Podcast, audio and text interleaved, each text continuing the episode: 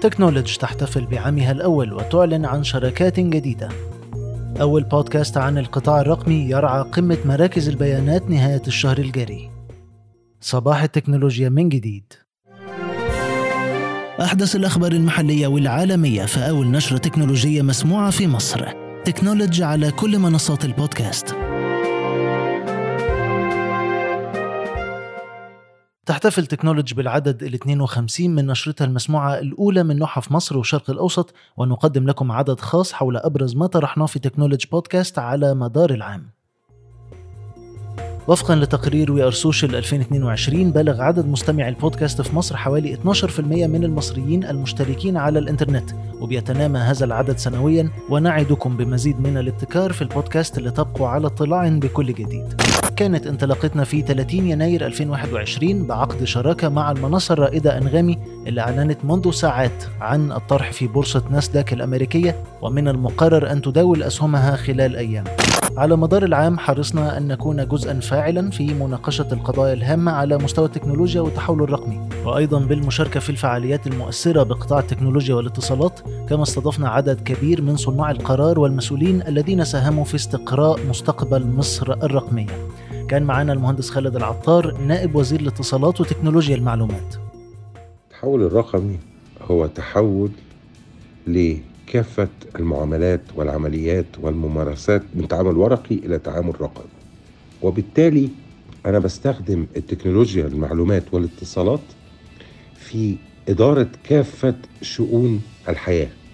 إحنا في الحكومة بندور على إن كل المعاملات رقمية عشان نتجنب التعامل الورقي. الورقة بتضيع وبتتسرق وبتتزور وبتتغير. لو أنا عامل حوكمة مظبوطة ده مش هيحصل على الكمبيوتر. شاركنا كذلك صياغة الرؤى حول ريادة الأعمال في مصر من خلال الرعاية الإعلامية لقمة ريادة الأعمال تكني سامت. في الوقت اللي جمعت فيه شركات الناشئة المصرية حوالي نصف مليار دولار من التمويلات خلال 2021 تكنولوجي مستمرة في رؤيتها بأهمية ريادة الأعمال والإبداع وقريبا سيتم الإعلان عن شراكات جديدة في هذا الصدد.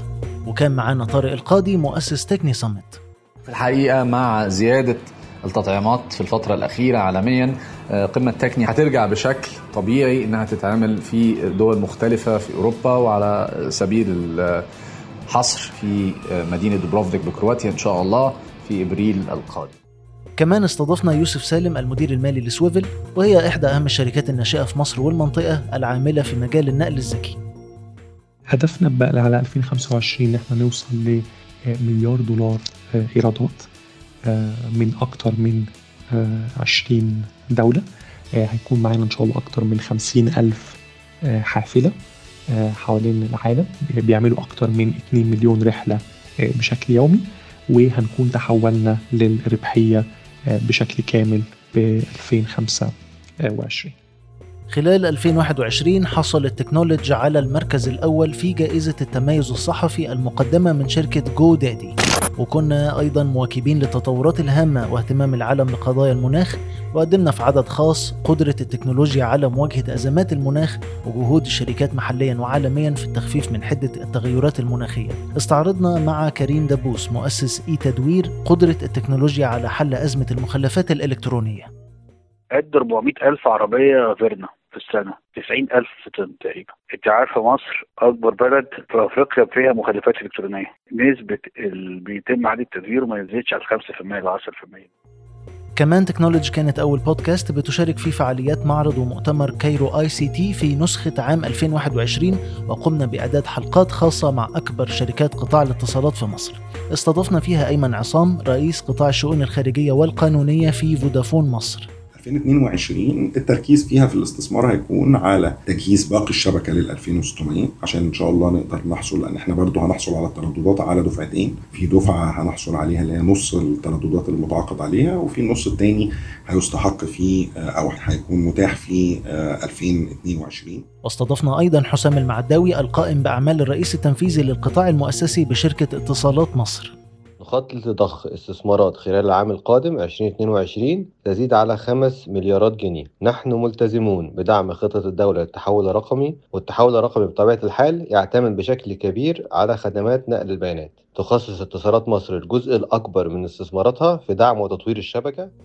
ساهم في نجاح العام الأول من تكنولوجي بودكاست عدد كبير من صناع القرار في قطاع التحول الرقمي سواء من خلال مشاركات في نشرتنا أو حوارات على موقعنا الإلكتروني تجدونهم جميعا في غلاف العدد.